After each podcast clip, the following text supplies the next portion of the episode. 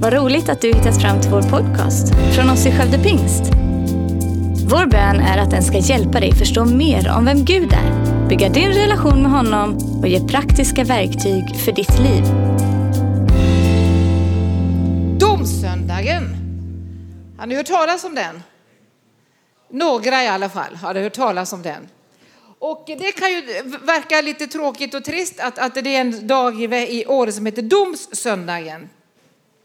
Och jag älskar ju eh, november och det, jag tycker det är väldigt fint att den, den infaller just i november när allt är lite sådär, lite mörkt och lite skumt där ute och lite neddämpat innan alla ljus kommer. Så settingen runt omkring tycker jag passar jättebra. Däremot är det inte så dystert som det hörs ut med domsöndagen, men jag tror att vi behöver domsöndagen. Och jag tror att vi någon gång då och då mår väldigt bra av att sätta oss ner och göra lite bokslut över våra liv. Det är inte det att, att, att våra liv, det, det, det, behöver man inte göra liksom tre timmar innan man ska dö. Det, det, tycker jag man kan göra lite då och då, att man liksom har någon sorts checklista. Check, check, check, check, check. Jag kommer ihåg när jag var nyfrälst och eh, ojade mig lite. Du vet, man mötte på mycket. Man var ung, entusiastisk, jag blev andedöpt. På tal om det här att översätta språk så säger Jesus själv att när den helige ande kommer över er ska ni få kraft att vara mina vittnen. Och hela andedopet handlar om att vi ska få ett språk, hjälpa folk att förstå vem Jesus är. Och jag upplevde det ganska snabbt i min frälsning och blev väldigt frimodig, hade varit blyg innan men blev väldigt frimodig. Och kanske blev jag så frimodig att det var lite på snudden till lite ovis har jag förstått nu så här 40 år senare. Eh, och det gjorde också att jag tyckte ibland att jag blev lite fel, felbehandlad av, av vissa som var lite äldre än mig. Då. Så då gick jag till min farmor och sökte lite tröst. Och då sa hon så här till mig att man kommer ingen vart man tycker synd om sig själv. Eh, och då sa hon också till mig att du bär ju ansvar för dina tankar och vad du tillåter dig att tänka om dessa människor. Det är ju inte deras problem. Deras problem är kanske det de gör, men ditt problem är ju hur du tar emot det de gör. Så jag fick lära mig ganska tydligt att, att det, domen faller alltid egentligen tillbaks på mig själv. Att jag kan inte gå in som domare för någon annan, jag måste leva mitt liv så att jag behagar Jesus. Och hon eh, verkligen undervisar mig om detta, att Rigmor ta hand om dina tankar, ta ansvar om dina tankar och även vad du tänker om andra människor. Så jag försöker träna på det, inte alltid så är det jättelätt. I kyrkan idag, i Svenska kyrkan, så kommer man att läsa texterna delvis ur Gamla Testamentet ifrån Danielsboken. Vi ska inte slå upp det nu, men det är från Daniel kapitel 7. Där det står att eh, Gud fick, fick hjälp av tiotusentals eh, hjälpare, förmodligen änglar eller någonting sånt som öppnade böcker och eh, det står ju faktiskt i Bibeln att det är skriven upp någon sorts minnesbok om oss kristna. Gud han för alltså någon sorts loggbok. Han för dagbok över ditt och mitt liv. Och jag kan ju tänka mig att den boken är väldigt tjock vid det här laget. Det har ju funnits väldigt många människor genom tiden, eller hur? Och tänk att han sitter och skriver där. Och jag kan tänka ibland när jag går och lägger mig på, på, på kvällen, herre, vad skriver du om mig idag? Har du skrivit någonting som du behöver sudda ut? Och skulle jag, Herre, genom att kanske göra upp med saker som du påminner mig om just nu, skulle jag då kunna tro att du kanske kan sudda ut det där eh, som inte var så fördelaktigt i mitt liv för tre timmar sedan? Och det här är kanske lite främmande för dig att tänka i de här banorna, men jag tror faktiskt Guds ord och det står så här i första Johannesbrevet kapitel 1. Eh, en liten parentes där. Till er som tolkar, ni har fått ett litet underlag för det jag ska säga och som ni hör så följer jag ju inte riktigt det än. Eh, men om ni predikar det som står på det pappret så är det ändå en väldigt bra predikan. Och jag kommer ändå att återvända till en del av bibelorden, men allt är ju inte med där. En, en del är ju här. Jo, och då var det så här att det här alltså. Och då tänkte jag så här eh, att jag skulle ha frågat Simon igår om att jag fick tillåtelse att göra en grej och jag glömde det Simon men, eh, och frågade om tillåtelse. Och då tycker jag så här att det, ibland är det lättare att få förlåtelse än tillåtelse. Så jag kör. Men det här att, att, att Gud liksom kan väcka vårt samvete över att saker är fel. Jag predikade på en alla helgona konferens. Simon är nio år. Där är inbjudan. Jag ser att Simon står i förbundskön. En pojke som är lite äldre, kanske 19-20 år, kommer att be för honom. På vägen hem i bilen så eh, Simon han var tagen av det som hände i mötet. Han berättade för mig att, det, att han tog emot Jesus den här kvällen. Och det hade han ju egentligen gjort. Han växte upp med en barnatro. Men den här kvällen som nioåring så upplevde han, jag vet inte ens om du kommer ihåg detta, men han upplevde i alla fall att han behövde få, få förlåtelse för synd. Och jag vet att när vi pratade om det här i bilen hem till Josef, vi bodde då, så, så, så, tog det mig lite att det här är, låt mig få ha det här barnahjärtat som, som, som, är, som är liksom hela tiden medveten om det som är fel. Inte bara när, jag, när man är barn, men när jag växer upp liksom och mognar till i dig.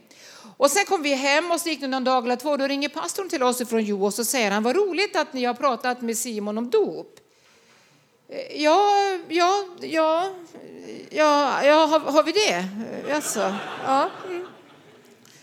ja, har ni inte det? Han ringde till mig, säger han då, och berättade att han ville döpas. För nu har han verkligen tagit emot Jesus. Så ni har inte bett att han skulle ringa mig? Nej. Nej, hej, hej, okej. Okay. Så jag pratade med Simon och så säger han så här, ja men vi kanske kan fråga runt lite, det kanske är flera som behöver döpas. Ja, så säger jag till Simon att har du ringt vår pastor? Ja, säger han då. Ja, för du har ju sagt någon gång, du och pappa sa, att det, när man blir frälst, då, då ber man att Jesus ska komma in i ens hjärta och när man har gjort det, då ska man döpas, för då, är liksom, då begraver man sitt gamla liv och så bekänner man då liksom för kompisar och vänner och alla som man inte ser i andevärlden att jag vill följa Jesus. Och nu har han ju gjort det. Så då ringde han ju pastorn och då, och då har vi sagt också, då kanske man tar kontakt med någon vuxen eller ringer sin pastor. Och då tyckte han väl att de vuxna var ju inte hemma för han har kommit hem från skolan, vi var ju inte där. Så vad gör han? Han letar fram telefonnumret till Pingstkyrkan jo ringer pastorn och berättar att nu vill jag döpas. Och då fick han det och, och, och då säger Simon, man frågar väl inte runt med alla andra. Man blir väl döpt om man får följa Jesus. Så jag ringde tillbaka till pastorn och sa vad han sa. Och då sa pastorn, okej okay, vi döper honom och han blev döpt. Jag tror faktiskt att det var första adventhelgen. Men det jag ska komma fram till nu, det är det som hände förra veckan det är detta jag inte har fått tillåtelse att berätta. Men jag får förlåtelse sen, för det måste man enligt Guds ord. Då sitter Simon med en, ett papper och en penna och han gråter och han har en uppslagen bibel och han har ett suddgummi. Och han skriver och han skriver och han skriver och han skriver och jag undrar vad är det du gör? Vad skriver du Simon? Han skriver upp saker som han upplever att han behöver be om förlåtelse för. Och det här kan man ta som en gullig historia för ett litet barn. Men faktum är det att den heliga ande har påmint mig om detta gång på gång och inte minst för den här gudstjänsten. Att jag tror att den heliga ande ibland måste röra vid oss, även vuxna kristna, att vi får leva i denna renhet. Och när han vittnade, vi har det inspelat på band, jag, är, jag är gift med en som har filmat sen, så länge jag har känt honom. Och han är den enda som döps och han har svårt att läsa sin bibelvers. Och bibelversen han, han väljer det är första Johannesbrevet kapitel 1. Där det står att om vi bekänner våra synder är han trofast och rättfärdig och förlåter oss alla våra synder. Om vi bekänner våra synder. Och vi ska inte ta det lätt med barn som vill bekänna sin synd. Och vi kanske kan skratta åt, ska man verkligen bekänna att jag gick och tog alla blyertsstumpar i sopkorgen i klassrummet utan att fråga fröken. De låg ju ändå i soptunnan. Och det här kan verka som en petitess och en gullig grej. Men jag kände så här att Gud, jag vill ha tillbaks det här i mitt eget liv när jag är känslig för det som är rätt och för det som är fel. Att vi inte alltid vågar att bekänna våra synder, det tror jag också är för att vi, ja det var väl inte så farligt. I Johannes evangeliet kapitel 5, och det vill jag läsa, tillhör också en av evangelietexterna idag, och det vill jag faktiskt läsa. Jag vill också börja med att säga, och nu ni som tolkar mig eh, till andra här, så är jag nu tillbaks i manus. Att jag vill säga till oss innan jag går vidare att alla som har mött Jesus vid korset behöver aldrig att leva med fruktan för dom och domens dag. Därför att den som lever med Jesus i sin checklista låter domen gå över sitt liv här och nu. Sen vet jag att Bibeln talar om gärningar som ska prövas. Det är mycket som kommer att brännas upp i eld på den dagen som inte behåller måttet. Alltså vi klarar inte av det. Men att har du varit och mött Jesus till syndarnas förlåtelse vid Golgata kors och lever i detta i din dagliga omvändelse behöver du aldrig gå runt att vara rädd att inte du skulle få komma till Jesus den dagen du lämnar den här jorden. Och nu läser vi ifrån Johannes kapitel 5 och ifrån vers 22 till vers 30 och jag läser ur den svenska folkbibeln 2015. Och fadern dömer ingen, utan han har överlämnat hela domen till sonen. För att alla ska ära sonen så som de ärar fadern. Den som inte ärar sonen ärar inte heller fadern som har sänt honom. Jag säger det sanningen, den som hör mitt ord och tror på honom som har sänt mig, han har evigt liv. Han drabbas inte av domen utan har gått över från döden till livet. Jag säger er sanningen, det kommer en tid och den är redan här när de döda ska höra Guds sons röst och de som hör den ska få liv. För liksom Fadern har liv i sig själv har han också låtit sonen ha liv i sig själv. Och han har gett honom makt att hålla dom eftersom han är människosonen. Jag slutar där. Jag vill återgå till vers 22. Och Fadern dömer ingen utan han har överlämnat hela domen till Sonen. Och jag har reflekterat över den här versen. Vad menas det med att du Herre har överlämnat domen åt Sonen när Jesus på ett annat ställe säger att jag lämnar domen åt min fader som dömer rättfärdigt. Skickar bollar de över till varandra. Men jag tror och du får gärna korrigera mig, men jag tror att Fadern dömer ingen utan han har överlämnat hela domen till Sonen. Vilken dom? Domen för mänskligheten överlämnade Gud till Sonen och den domen hände på Golgata kors. Alltså där överlämnade Gud domen till Sonen. Det blir din sak att göra så att denna dom över mänskligheten kan verkställas så att rättvisa kan ske. Och därför så lämnade Gud domen åt sonen. Jag gick ut och tittade lite på de här med juridiska termer. Om du tänker dig en juridisk rättegång så finns det lite olika saker där. Det finns en åklagare. En åklagare han leder förundersökningen, alltså det som vi kallar för en brottsutredning. Det är åklagarens uppgift. Du har en försvarsadvokat att tillvarata den misstänktes rättigheter på bästa sätt och efter bästa förmåga. Det är alltså försvarsadvokatens uppgift. Du har en domare och det är någon som svarar för uppgiften att döma vid en domstol. Alltså han ska nu lyssna både på, på åklagaren, han ska lyssna på försvarsadvokaten och det kanske också finns en jury som han ska lyssna in. Och personen i fråga som är domare ska alltså lyssna in all information och utifrån det så ska denna person på bästa möjliga sätt ge en rättvis dom. Och domstolen har du också och det är en offentlig institution för rättsskipning. Och allt är juridiskt och allt måste ske utifrån dessa juridiska termer. Och faktum är att när Gud talar om dom och straff i Bibeln så går det också i juridiska termer. Men då tänker jag, det svåra för Gud och det här inte vi alltid förstår och hänger med. För att vi jämför liksom oss med varandra. Ja men, ja men han tog ju bara några suddgummi och, och hon, hon har ju levt sitt liv i sju år som prostituerad på en gata i, någonstans i världen. Och så jämför vi synder.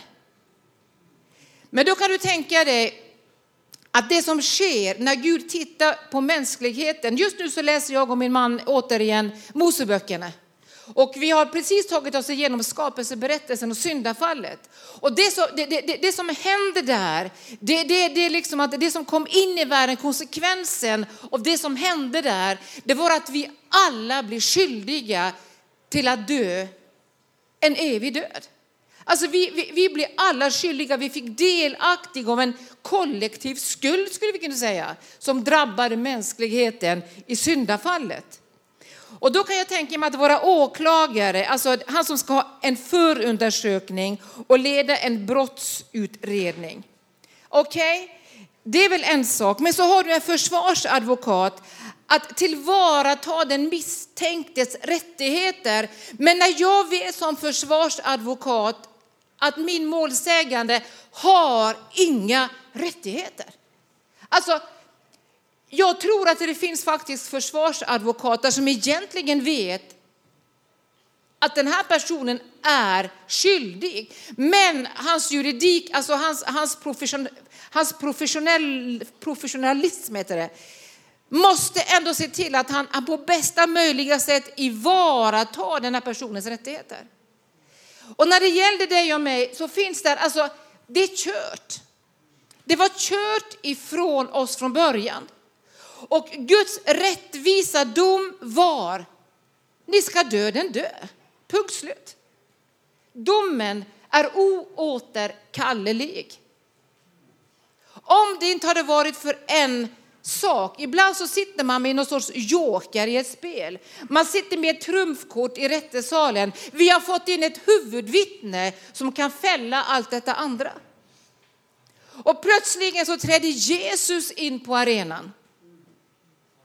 Att alla här, alla ifrån den minsta till den äldsta var dömda att gå undan. alltså gå bort ifrån mig, alltså det är slut med er. Och så hände någonting i världshistorien. Jesus kom. Och det är här vi måste förstå att det är den enda människan som Gud överhuvudtaget någonsin har varit nöjd med är det Jesus Kristus. Och detta retar nutidsmänniskan, inte minst svensken. Om vi går tillbaka till Johannes kapitel 5 så står det så här i, ska vi se så här, eh, i vers 27. Och han har gett honom makt att hålla dom eftersom han är människosonen. Hur kan han ha makt att hålla dom eftersom att han är människosonen? Jo, den enda som använder ordet människosonen om, i Nya Testamentet, alltså i evangelierna, om Jesus, det är han själv. Ingen annan säger det. Daniel står det att jag såg en som liknade en människoson. Alltså Jesus har ju funnits i gamla testamentet. Det är bara att läsa så finner du spår efter honom i hela gamla testamentet och allt leder fram till korset. Men han var en sann människa och det du och jag glömmer är följande. Att när Jesus dog på korset så dog han som den felfria människan som Gud kunde döma fri. Därför att han höll måttet. Men han kunde inte göra det, alltså Jesus dog inte för sig själv. Det är det, här, det, det här vi har glömt tror jag och inte får med oss alltid. Att när Jesus hänger där på Golgata kors så dör inte han för att han är så syndig. Han dör för att jag är så syndig, för att min nioåriga son var syndig.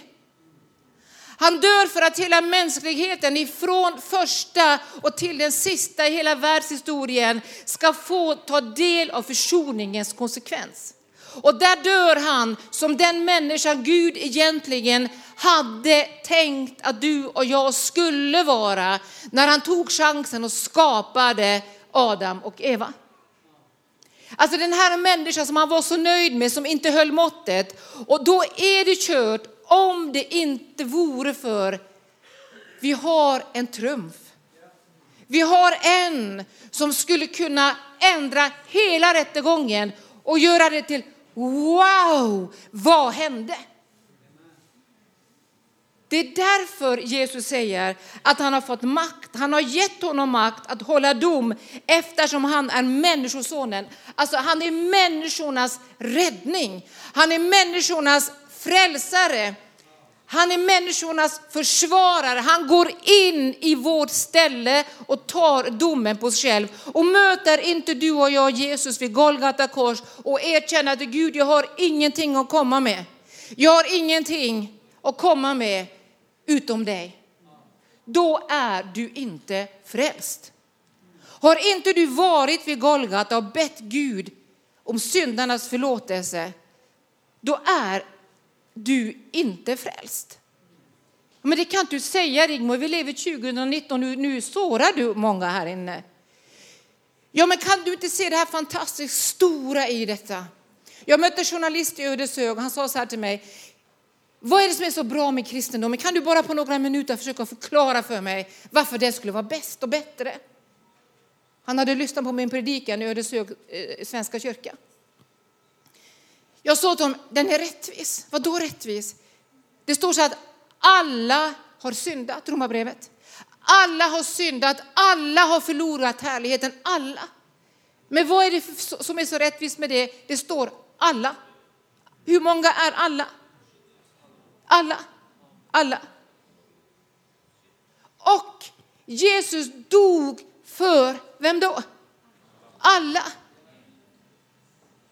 Röd och gul och grön och svart gör detsamma har han sagt. Jesus älskar alla barnen på vår jord. Han dog för alla, alla religioner, alla män, alltså han dog inte för religionerna, han dog för människorna som representerar religionerna. Han dog för alla.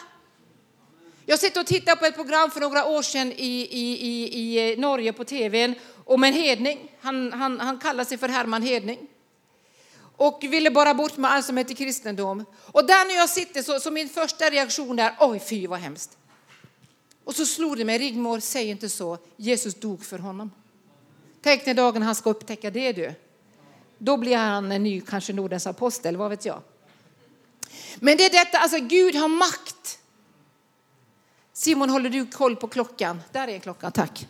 Där är en klocka. Men det, det, här är så viktigt att du får med dig det, att när du ska lämna denna kyrkan idag så ska du veta en sak. Och, och, och nu måste jag bara fråga dig, har du varit vid Golgata? Återgår du ständigt till Golgata? Jag vet en gång när jag blev så förolämpad av en människa, jag var inte ens, alltså jag bara hamnade i någon sorts grej, jag, jag, blev helt, jag, jag, blev så överrumplad och jag blev förolämpad. Och han var så oförskämd och han var så fräck. Och jag bara tappade totalt, du vet när man kommer i en sån här freezing shock tillstånd och jag tyckte fy vilken äcklig människa. Och när jag utgjöt mitt hjärta inför Jesus så sa Jesus, det är helt sant, hans handlingar är helt förkastliga. Men du har en enda sak att göra Rigmor Holst. Gud säger alltid Rigmor Holst till mig. Eller så är det det att det, jag tror att det Gud är som pappa. För när pappa visste att jag behövde göra upp med saker så sa han alltid Rigmor Blomvik. Det är mitt, det är mitt flicknamn. Så det är väl kanske där jag har fått det från. Nu är det allvar för då tycker jag alltid Gud säger Rigmor Holst. Han brukar både föra och efternamn. Ditt problem är att du har låtit dig liksom snärjas av detta. Och om du tror att det inte är möjligt för dig att kunna förlåta honom, inte det han gjorde, för det är förkastligt, det, det, det, men du måste liksom inte, du måste ändå göra upp med det, då har du inte varit vid Golgata just med det här problemet. Och än en gång inför detta där jag hade haft hela det juridiska Sverige och alla, hela metoo-rörelsen på min sida, så säger Gud ändå till mig, du måste gå till korset med det, Rigmor Holst. Känslorna är ombytliga. De är som en sprängd fiol, eller inte en sprängd, vad heter det, spänd fiolsträng eller gitarrsträng. Har, den, har de liksom börjat att vibrera så kan känslorna ta lite tid att komma till ro. Men själva grejen är att du på en gång när någonting har gjort, gått emot dig och gjort dig illa, möt Jesus vid Golgata kors. Och har någon kommit till dig och sagt att du har gjort dem illa. Börja inte att försvara dig! Du kanske inte ens visste hur illa du betedde dig mot dem. Det var inte din intention, men de känner att du har sårat dem. Börja inte att försvara dig. Jag har varit med om det också när människor har kommit till mig att Rigmor vi blir sårade när du sa sådär. Och jag visste att det var inte min intention att såra och jag vill försvara mig för det ligger i min natur att vilja försvara mig. Men då är det som om Gud hela tiden säger Rigmor problemet är inte att du inte menade det. Problemet är just nu att den här personen är sårad. Och då måste jag säga så här att det var inte min mening att såra dig. Jag är jätteledsen om jag gjorde det. Kan du förlåta mig? Om den personen då säger till mig, nej det kan jag inte, då är det den personens problem, det är inte mitt. Det, det krävs en att förlåta, det krävs två att försonas. Men hela tiden är det Golgata, Golgata, Golgata, Golgata, Golgata. Jag brukar säga till mina bibelskoleelever, det finns tre sätt att pröva Guds ord. Det första säger Jesus, det är friden. Alltså allt som Jesus, alltså det kan vara hur tufft som helst, men om du följer Guds ord så leder det alltid till frid. Det andra är tiden. Jesus säger i Matteus 7 att det, på trädet ska frukten kännas, låt tiden verka. Det är inte tiden som läker alla sår. Jesus läker alla såren. Men tiden verkar för oss och det visar också vad som är rätt och fel.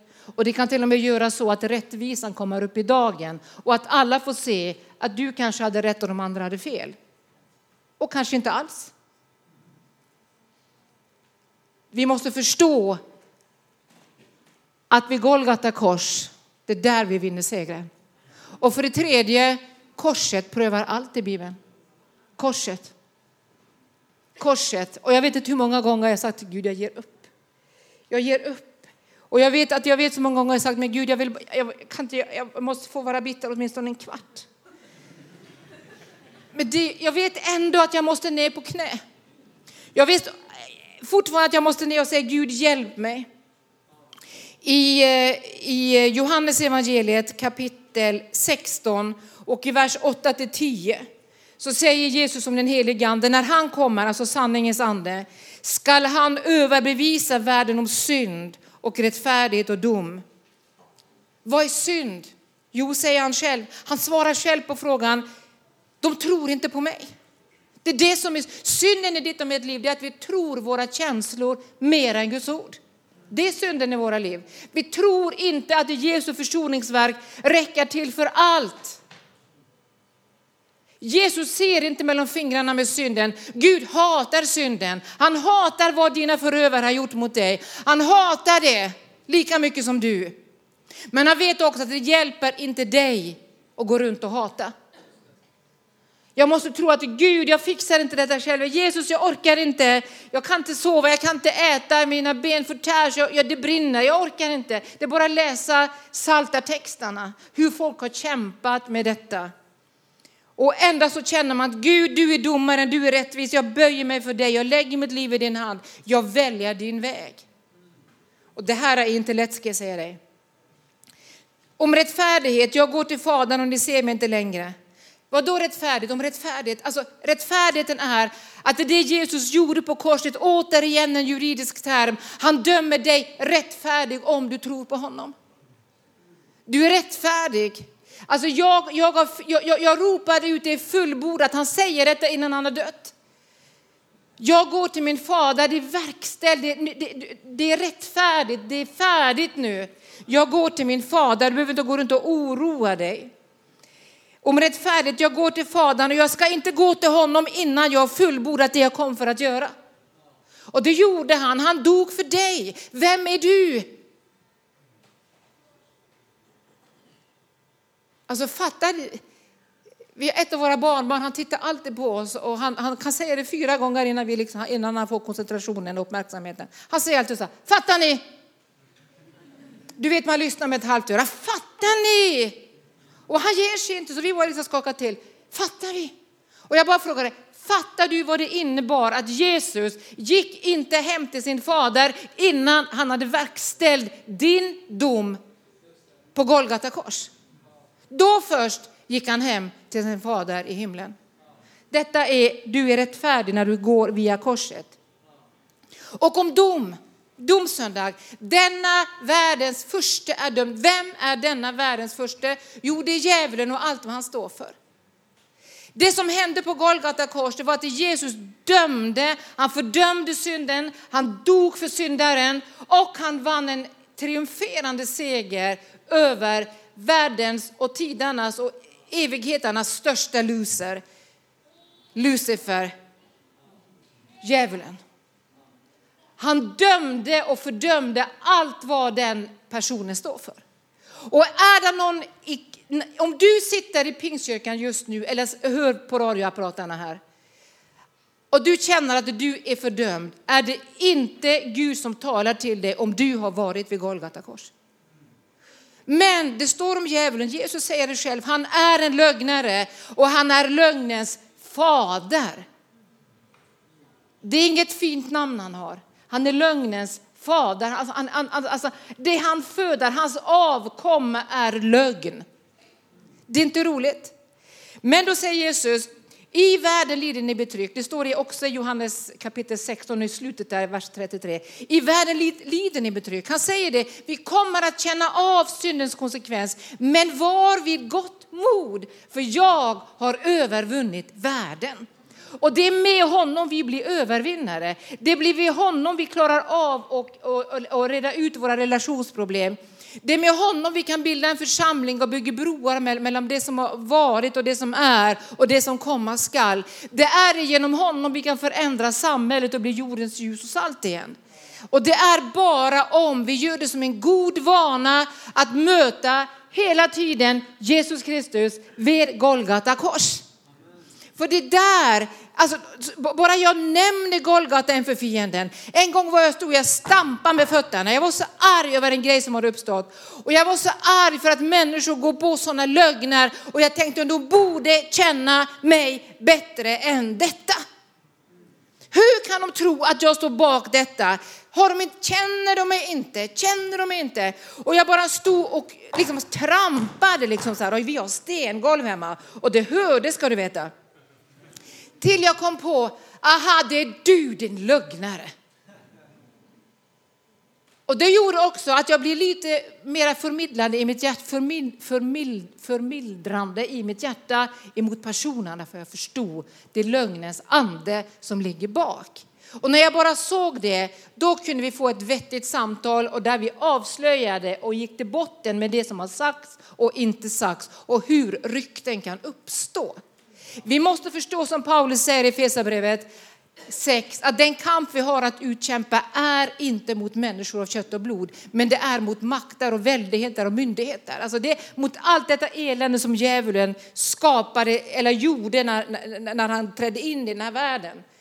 När han, när han gjorde uppror mot Gud och föll ifrån sin enorma position.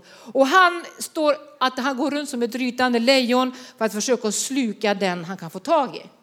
Men då tänker jag så här att det, om du bara lär dig att säga namnet Jesus, om du lär dig att bara säga Golgata en gång när jag var så, man kände att man var i en sån andlig strid och jag kände att det, vad ska jag säga? Och då kom det bara, så jag stod bara och sa, jag bara lyfte händerna hemma och tittade ut över åntiden och sa Golgata, Golgata, Golgata, tack Jesus för Golgata, tack för allt som hände på Golgata.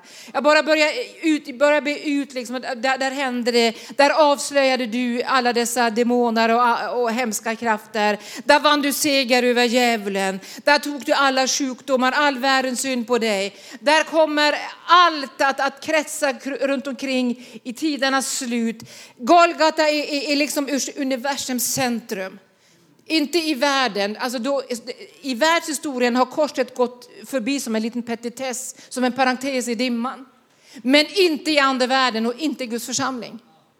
Och det, det, det är det här, jag ska säga en sak, att jag, jag reser så otroligt mycket. Jag hör på så mycket undervisning som inte har knappast någonting att göra med evangeliet. Och när vi säger att all kärlek är så bra, hur kan kärlek vara fel? Johannes säger i sitt första brev, i detta är kärleken. Gud är kärlek och i detta är kärleken att vi håller hans bud och hans bud är inte tunga. Kärleken som Gud bevisade för oss stavas Golgata. Det finns inget sentimentalt med Golgata kors. Om en människa ska förändras i sin grund måste hon via Golgata. Det var där Gud återvann allt vad människan förlorade i syndafallet. Och det är allt det som du och jag längtar efter, det kommer att finnas vid Golgata kors. Det finns inget sentimentalt. Alltså det finns inte ens något som är vackert vid Golgata. Det står att när människorna kom ut till Golgata, de vände sig. Alltså det, det står och profeterade om Jesus, att, att han, de orkade inte att se på honom. Han var föraktad, han, de, orkar orkade inte att se på honom. Och du kan tänka dig att, att vad hemskt, vad, vad ångest kan göra med en vanlig jordisk människa. Och då kan du tänka dig, om du har sett en människa i djup ångest, hur hon kan bli förvriden till hela sin varelse. Vad tror du Jesus blev när han hängde där, inte för sig själv, men mot varenda miljard, varenda människa genom hela historien som någon gång kommer att födas. Det var deras skuld och synd de bar. Vem kan vara vacker i ett sådant ögonblick? Och ändå är han den vackraste av alla. Ni som ska döpas här nu, jag ska säga amen här nu, jag ska bara läsa sista versen här ifrån psalm 102. Men jag vill bara säga till er som ska döpas, det som sker när ni ska döpas, det är egentligen någonting av det som skedde vid Golgata. För det står att du har tagit emot Kristus, du får begrava ditt gamla människa. När du stiger ner i dopgraven här så är det en, det är en bekännelse inför hela andevärlden att jag lägger av allt det som har varit mitt så här långt. Jag lägger av det, jag uppstår med Kristus till ett nytt liv. Är det någonting som också är en proklamation om Golgata är det dopet. Du blir korsfäst med Kristus. Nu får du uppstå med honom. Tack Jesus. Och det står så här i psalm 102, jag ska sluta där.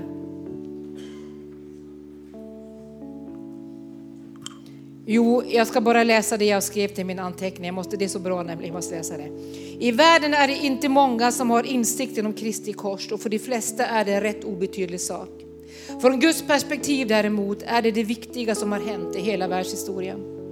För den som accepterar detta och tar emot Guds stora gåva som är frälsningen genom tron på Jesus Kristus behöver aldrig att frukta varken död eller dom. Gud kommer att hålla allt han har lovat. Din sak är att hålla dig nära honom. Det var mitt råd från min farmor och det har jag levt med och det ger jag vidare till dig. Din sak är att hålla dig nära honom. Och så läser vi sista bibelversen, psalm 102. För länge sedan lade du jordens grund, himlarna är dina händers verk. De ska gå under men du ska bestå. De ska alla nötas ut som kläder, du ska byta ut dem som en mantel och de försvinner. Men du är ensamme och dina år har inget slut. Dina tjänares barn ska bo i trygghet och deras ättlingar bestå inför dig till evigt tid. Och där lever vi våra liv. Där lever vi våra liv. En dag är det slut, en dag är allt över. En dag så det blir en ny himmel och en ny jord. Allt har tjänat färdigt. Och den dagen, och så kommer en hel grej som ska ske i, i historien. Till slut så ska vi möta Gud som domare. Och den dagen kan du vara trygg om du har varit vid Golgata. Då kommer Gud att frikänna dig som han redan har gjort genom tron på Jesus Kristus. Det är bara Golgata. kom någon man för ett tag sedan och sa, en man i kyrkans värld, jag är så trött på de här äh. han, han, jag, vill inte, jag vill inte säga vad han kallade Guds ord för, för jag vill inte ta sådant ord i min mun. Men han var så trött på alla de här bibelverserna, sa han. Det är inte så enkelt, det är inte så enkelt. Men har du varit vid Golgata, då förstår du. På ett sätt är det det enklaste och mest fantastiska som finns. Och på andra sidan är det ett sånt mysterium så vi behöver en helig ande och kanske hela evigheten för att grunda hur detta kunde hända.